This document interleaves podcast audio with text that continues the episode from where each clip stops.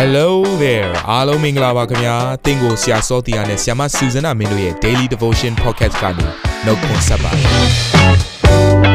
ဆရာနဲ့ဆရာမတို့ရဲ့အသက်တာမှာဘုရားရှင်ပြုတဲ့ကောင်းကြီးမင်္ဂလာများစွာရှိပါတယ်အဲ့ဒီအထက်ကပြန်လဲစီးဆင်းတဲ့နှုတ်ကပတ်တော်ကိုဒီနေ့မှနားထောင်ပြီးခွန်အားယူကြမှာဖြစ်ပါတယ်နေ့စဉ်10မိနစ်လောက်အချိန်ပေးပြီးမိမိရဲ့အသက်တာကိုကောင်းကြီးဖြစ်စေမယ်ဘုရားသခင်ရဲ့နှုတ်ကပတ်တော်နဲ့နီးလန်းတွေကိုအတူတကွခံယူကြရအောင်ခင်ဗျာ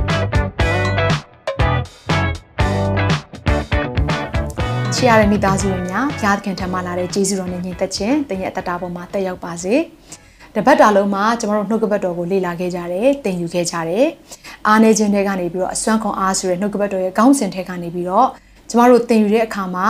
သင်ရဲ့အသက်တာထဲမှာကြီးထွားရင်ချက်ခြင်းနဲ့တိဆောက်စိုက်ပျိုးခြင်းတွေရှိနေပြီဆိုတာကျမယုံကြည်ပါတယ်။ဒီနေ့မှာတော့အဲ့ဒီနှုတ်ကပတ်တော်ရဲ့ကောင်းစဉ်အောက်ကနေပြီးတော့နောက်ဆုံးပိုင်းဖြစ်တဲ့အားနေခြင်း၌ရသောကောင်းကြီးဆိုတဲ့နှုတ်ကပတ်တော်ကိုခံယူကြမှာဖြစ်တယ်။အဲ့တော့ ကပ္ပဦးကျမ်းခန်းကြီး73အခန်းငယ်9ကနေ17ကိုလေ့လာကြရအောင်။အာပြန်နှင့်လိုက်လာသောလောတသည်လည်းတိုးနွားများနှင့်တဲအများရှိသဖြင့်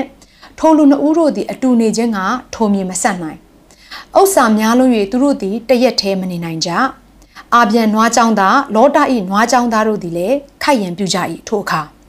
ခါနန်အမျိုးသားဖရိစီအမျိုးသားတို့သည်ထိုပြည်၌နေကြသည်။အာဗြံကလည်းငါတို့သည်ညီကိုချင်းဖြစ်လျက်ငါနှင့် တင်၌၎င်းငါနွားကြောင်းသားတို့၌၎င်းတင့်နွားကြောင်းသားတို့၌၎င်းခိုက်ရန်မရှိပါစေနှင့်မြေတစ်ပြင်လုံးသည်တင့်ရှိမှရှိသည်မဟုတ်ပါလောငါနှင့်ခွာ၍နေပါလော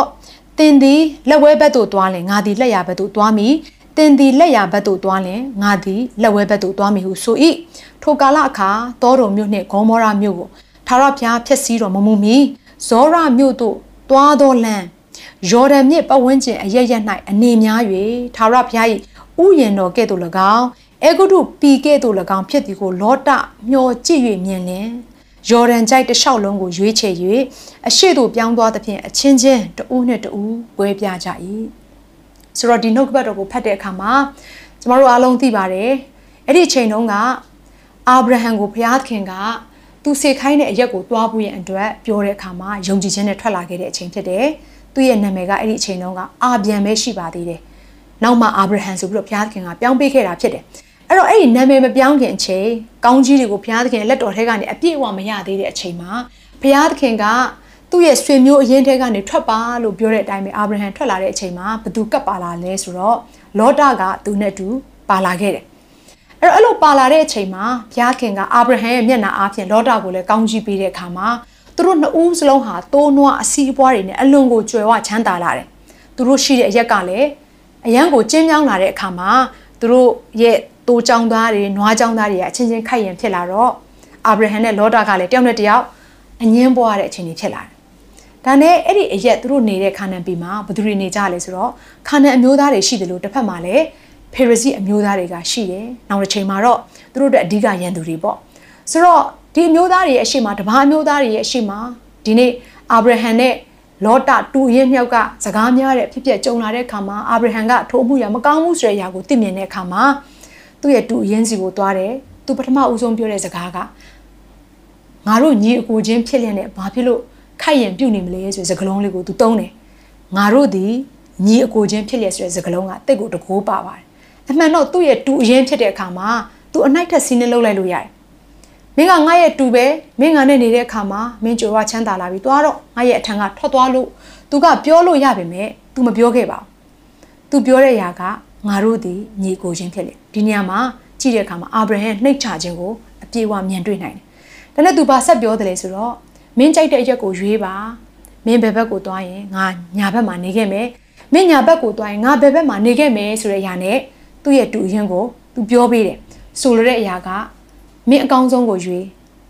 မင်းမရွေးခြင်းတဲ့အရာညံ့ပြင်းတဲ့အရာငါယူပြီးတော့ငါနေရခဲ့မယ်လို့ပြောလိုက်ခြင်းဖြစ်တယ်ဆိုလိုတဲ့အရာကအာဗြဟံကသူ့ရဲ့တူရင်အရှိမအရှုံးခံလိုက်ခြင်းပဲအဲ့ဒီချိန်မှာလောတာကဘယ်ရက်ကိုရွေးသွားလဲဆိုလို့ရှိရင်သူ့ရဲ့မျက်စိတက်မှတ်ခြင်းရှိတဲ့အတိုင်းပဲเนาะသူအေဂုတုပီနဲ့တူတဲ့အရက်ဖြစ်တဲ့အခုနဇောရမြို့ကိုတွားတဲ့လမ်းတစ်လျှောက်လုံးဖြစ်တဲ့မြစ်ဝမ်းလွင်ပြင်ဒေသကိုသူရွေးချယ်ခဲ့တယ်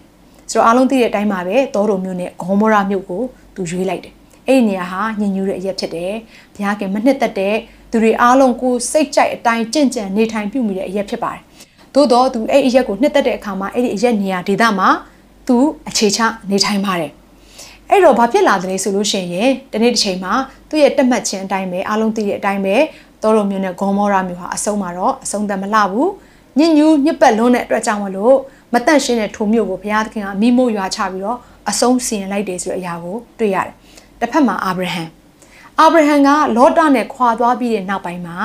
ဒီနေရာမှာထူးဆန်းတဲ့အရာရှိတယ်အဲ့ဒါကဘာလဲဆိုလို့ရှိရင်ဘုရားသခင်ဟာအာဗြဟံကိုစတင်ပြီးတော့ခေါ်တယ်ကဘာဦးကျမ်းခန်းကြီး73အခန်းငယ်14ကနေဆက်ခွန်ကိုဖတ်မယ်ဆိုလို့ရှိရင်လောတသည်အာဗျံနှင့်ခွာ၍သွားပြီးမှထာဝရဘုရားသည်အာဗျံကိုခေါ်၍ဆိုတဲ့စကားလုံးကိုတွေ့ရတယ်လောတဆိုတဲ့ သူ့ရဲ့နာမည်ရဲ့အဓိပ္ပာယ်ကဟေဘရုရဲ့အဓိပ္ပာယ်ပေါ့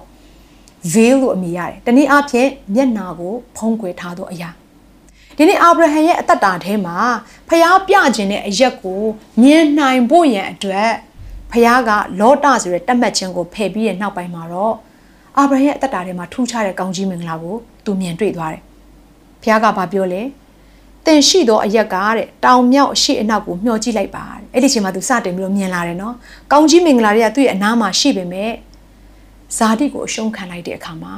ကောင်းကြီးမင်္ဂလာကိုသူမြင်တက်လာတယ်။ဖခင်ကဘာပြောလဲဆိုတင်မြင်သောမြေတစ်ပြင်လုံးကိုတင်နှင့်တင်းအမျိုးနွယ်အားငါသည်ကာလအစဉ်မြေပေးမည်။တင်းအမျိုးနွယ်ကိုမြေမှုန့်ကဲ့သို့ငါများပြားစေမည်။ တို့ဖြစ်၍လူသည်မြေမှုန့်ကိုရေးတွက်နိုင်ရင်တင်းအမျိုးနွယ်ကိုရေးတွက်နိုင်ကြလိမ့်မည်။တင်ထပြီးမြေကိုအလျားအားဖြင့်၎င်းအနံအားဖြင့်၎င်းရှောက်သွားလော့တင်အားငါပေးမည်ကိုမိန်တော်မူ၏။အဲ့ဒီအချိန်မှာပဲရှုံးသွားတယ်လို့ထင်ရတဲ့အာဗြဟံရဲ့အခြေအနေကဖခင်သခင်ရဲ့ကောင်းကြီးပေးစရာကောင်းလောက်တဲ့အသက်တာကြီးဖြစ်လာတယ်။အာဗြဟံရသွားတဲ့ကောင်းကြီးမင်္ဂလာကသူတယောက်တည်းရသွားတာမဟုတ်ပါဘူး။သူ့ရဲ့သားသမီးတွေမကဘဲနဲ့ဆွေစဉ်မျိုးဆက်အထိပါရသွားတဲ့ကောင်းကြီးမင်္ဂလာဖြစ်တယ်။ ဒါကြောင့်မလို့ကျမတို့ရဲ့အသက်တာထဲမှာဒီလောကနဲ့ဆိုင်တဲ့အရာတွေကိုအရှုံးခံလိုက်ပါ။ထာဝရနဲ့ဆိုင်တဲ့ကောင်းကြီးမင်္ဂလာကိုဘုရားခင်တည့်ရဲ့အသက်တာထဲမှာပေးပါလိမ့်မယ်။အာဗြဟံအသက်တာထဲကနေတည်ယူရတယ်လို့ပဲတည့်ရဲ့အသက်တာထဲမှာထိုနှုတ်ကပတ်တော်အပြင်ကောင်းကြီးဖြစ်လိမ့်မယ်လို့ကျွန်မယုံကြည်တယ်။အဲ့တော့နောက်ထပ်ကျမတို့အသက်တာထဲမှာတည်ယူရမယ့်လူတစ်ယောက်အကြောင်းရှိသေးတယ်။သူ့နာမည်ကယာကုပ်လို့ခေါ်တယ်။ကျမတို့အားလုံးသိပါတယ်ယာကုပ်ရဲ့အသက်တာဟာထူးခြားတယ်။မွေးကလေးက အမွာအကိုဖြစ်တဲ့အေးတော့ရဲ့ဖနှောင့်ကိုကင်ပြီးတော့မွေးဖွားလာတဲ့သူဖြစ်တယ်။တာဝူယာကိုရခဲ့တဲ့သူမဟုတ်ဘူး။အဲ့တော့နာမည်ပေးခြင်းခံရတဲ့ခါမှာလေသူ့နာမည်ကိုယာကုပ်လို့ပေးတယ်။ယာကုပ်ရဲ့အတိတ်ဘယ်ကလှည့်စားတော်သူ။စဉ်းစားကြည့်ပါသူ့ရဲ့အသက်တာကမွေးကလေးကရှုံးနေနေတဲ့အသက်တာကြီး။အဲ့လိုအသက်တာကို तू ရခဲ့တဲ့အပြင်တနေ့ကျတော့သူ့အမေကသူ့ကိုပြောတယ်ယာကုပ်ရေတာဝူယာကိုရဖို့ရအတွက်နေအဖေကိုတွားပြီးတော့လှည့်စားလိုက်ပါလို့ပြောတဲ့အတိုင်းပဲ ယာကုပ်ဟာအမေစကားကိုနားထောင်ပြီးတော့အဖေစီကကောင်းကြီးမင်္ဂလာကိုရဖို့ရအတွက်သူလှည့်စားခဲ့တယ်ဆိုတော့အကိုကိုလည်းထိုနီးလန်းအားဖြင့်သူအနိုင်ယူခဲ့တဲ့အခါမှာသူ့ရဲ့အသက်တာရဲ့ပုံသက်သေးကြီးကပြောစမတ်ကြီးအနေနဲ့ကြမ်းခဲ့တယ်ဘလို့နေလဲဆိုတော့လှည့်စားတော့ယာကုပ်အဖေကိုလည်းလှည့်စားတယ်အကူကိုလည်းလှည့်စားတယ်ဆိုတော့အဲတက်သေးကြီးနဲ့သူ့ရဲ့အသက်တာထဲမှာအားနေခြင်းအပြည့်နဲ့သူဟာအသက်ရှင်ခဲ့ရတဲ့သူဖြစ်တယ်။ဒါပေမဲ့လေတနေ့ကျတော့ ကဘာဦးကျန်းခန်းကြီး30နဲ့အခန်းငယ်24ကနေ28ကိုရောက်လာတဲ့အခါမှာအဲ့ဒီအားနေခြင်းအပြည့်နဲ့ဆုံးရှုံးခြင်းအပြည့်နဲ့အသက်ရှင်ခဲ့ရတဲ့ယာကုပ်ရဲ့အသက်တာတစ်ခုလုံးဟာထူးခြားပြောင်းလဲသွားတယ်ဆိုတဲ့အရာကိုမြင်ရတယ်။ဒီနှုတ်ကပတ်တော်လေးကိုဖတ်ချင်တယ်။ယာကုပ်သည်တယောက်တည်းနေရ၍လူတဦးသည်မိုးလင်းတိုင်အောင်သူနှင့်လုံးထွေးလေ၏ထိုသူသည်မိမိမနိုင်မှန်းကိုသိလျင်ယာကုပ်ပေါင်ချံကိုထိုး၍လုံးထွေးစဉ်တွင်ပေါင်စစ်ပြုတ်လေ၏ထိုသူကလည်းငါ့ကိုလွတ်ပါ မိုးလင်းဆဲရှိပြီဟုဆိုလျင်ယာကုပ်ကကိုရောဒီကျွန်ုပ်ကိုကောင်းကြီးမပေးလင်မသွားရဟုဆို၏ထိုသူကသင်၏အမိကအဘယ်သို့နည်းဟုမေးလျင်ယာကုပ်ဖြစ်ပါသည်ဟုပြန်ဆို၏အဲ့တော့နောက်ဆုံးပိုက်ကလေးကိုကျွန်မပြီးမှဖတ်ချင်တယ်ဒီနေရာမှာကျွန်မတစ်ချက်လောက်ရှင်းပြချင်တယ်တနေ့ကျတော့ယာကုပ်ဟာတယောက်တည်းရှိနေတဲ့အချိန်မှာဘုရားရဲ့ကောင်းကင်တမန်ဟာ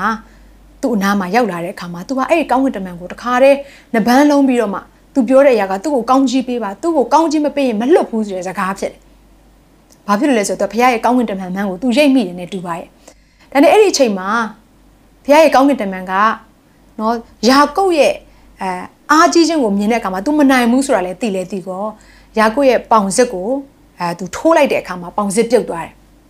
အဲ့ဒီအချိန်မှာယာကုပ်ကပြောတဲ့ຢာက तू ကောင်းကြီးမပေးဘူးဆိုမလွတ်ဘူးနော်ဒီຢာလေးက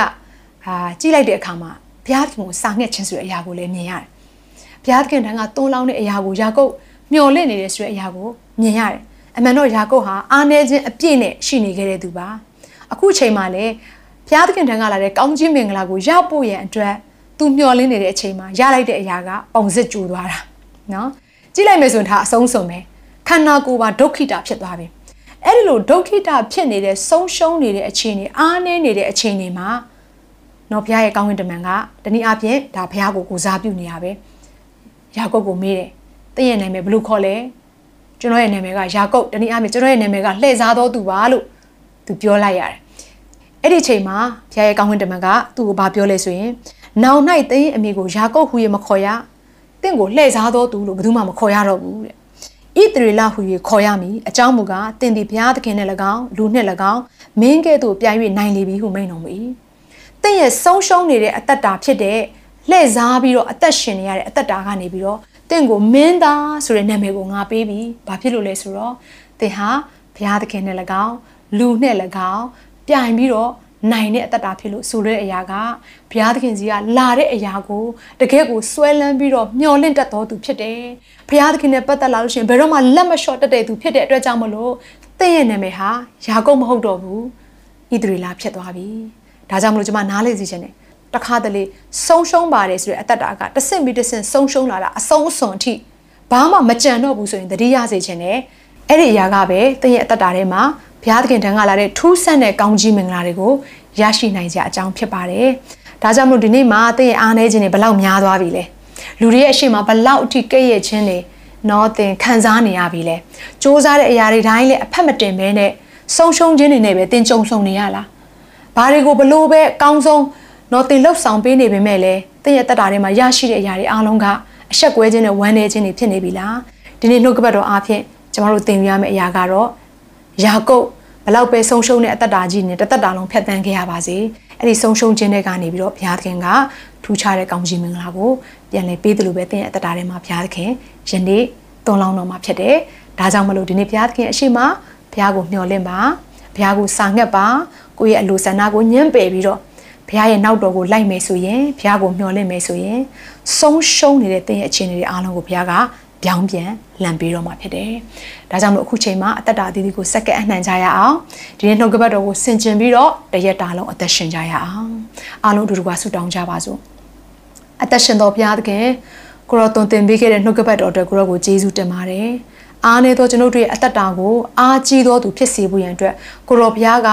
တိုင်တော်ပေါ်မှာလှုပ်ဆောင်ပေးခဲ့တဲ့အရာတွေအားလုံးအတွက်ကိုရောကိုကျေးဇူးတင်တယ်။သခင်ခရစ်တော်ကိုအမိသဟဲပြုခြင်းအပြင်သားသမီးရဲ့အသက်တာထဲမှာထူးခြားပြီးတော့ပြောင်းလဲပြီးတော့အသက်တော်ခွန်အားအသက်တော်ဉာဏ်ပညာအသက်တော်အစွမ်းတတ္တိတွေနဲ့ကိုရောပြည့်စုံစေလို့ကိုရောကိုယေရှုတင်ပါတယ်။သားသမီးတို့ကလည်းကိုရောဘုရားကိုနေ့ရက်အစဉ်တိုင်းမှာမျှော်လင့်တတ်တော်သူတွေဖြစ်စေဖို့အတွက်ဆက်လက်ပြီးတော့ဆွဲခေါ်ပါအောင်။ကိုရောကိုဖယံတတ်တော်သူတွေဖြစ်ဖို့အတွက်ဆက်လက်ပြီးတော့သားသမီးတို့ကိုတုံ့တင်ပါအောင်ဘုရားသခင်။ ဆင်းရဲတဲ့အချိန်မှာမှကိုရောထံကိုလှည့်လာတော်သူတွေမဟုတ်ဘဲနဲ့ကောင်းစားတဲ့အချိန်မှာလဲကိုရောထံမှာမျော်လင့်တတ်တော်သူများဖြစ်စေပါကိုရောကိုအစင်မြဲချစ်ကျွမ်းဝင်တော်သူများဖြစ်လျက်နေ့ရဲ့အစဉ်တိုင်းမှာကိုရောထံမှာလာတဲ့ထူးခြားသောအစွမ်းတက်တည်တွေနဲ့ပြည့်စုံသောအခုကွရှင်ပေးတော်မူပါ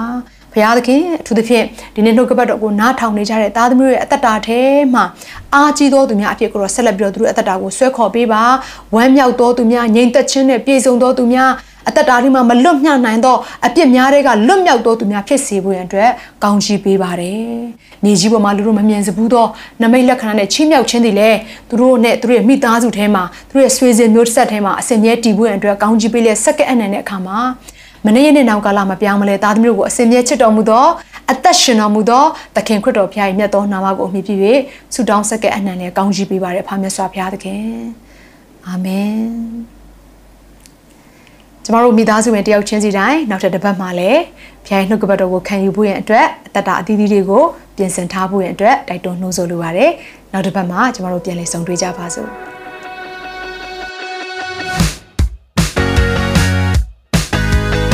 နာတော်တာစင်သူတိုင်းရဲ့အသက်တာမှာကောင်းကြီးဖြစ်မယ်ဆိုတာကိုကျွန်တော်ယုံကြည်ပါတယ်။သင်ရဲ့အသက်တာအတွက်များစွာသော resource တွေနဲ့ update တွေကို Facebook နဲ့ YouTube platform တွေမှာလည်းကျွန်တော်တို့ပြင်ဆင်ထားပါတယ်။ Facebook နဲ့ YouTube တွေမှာဆိုရင် search box ထဲမှာစုစွမ်းနာမင်းလို့ရိုက်ထည့်လိုက်တဲ့အခါအပြရန်အမှန်ချစ်ထားတဲ့ Facebook page နဲ့ YouTube channel ကိုတွေ့ရှိမှာဖြစ်ပါတယ်။နှုတ်ကပတ်တော်တွေကိုဗီဒီယိုအားဖြင့်လည်းခွန်အားယူနိုင်ဖို့ရန်အတွက်အစဉ်သစ်ပြင်ဆင်ထားပါတယ်။ကျွန်တော်တို့ဝိညာဉ်ရေးရာအတွက်အထူးလိုအပ်တဲ့ဖွင့်ပြခြင်းတွေနဲ့ခွန်အားတွေကိုရယူလိုက်ပါ။ နောက်ရက်များမှာပြန်ဆုံတွေ့ကြရအောင်ခင်ဗျာ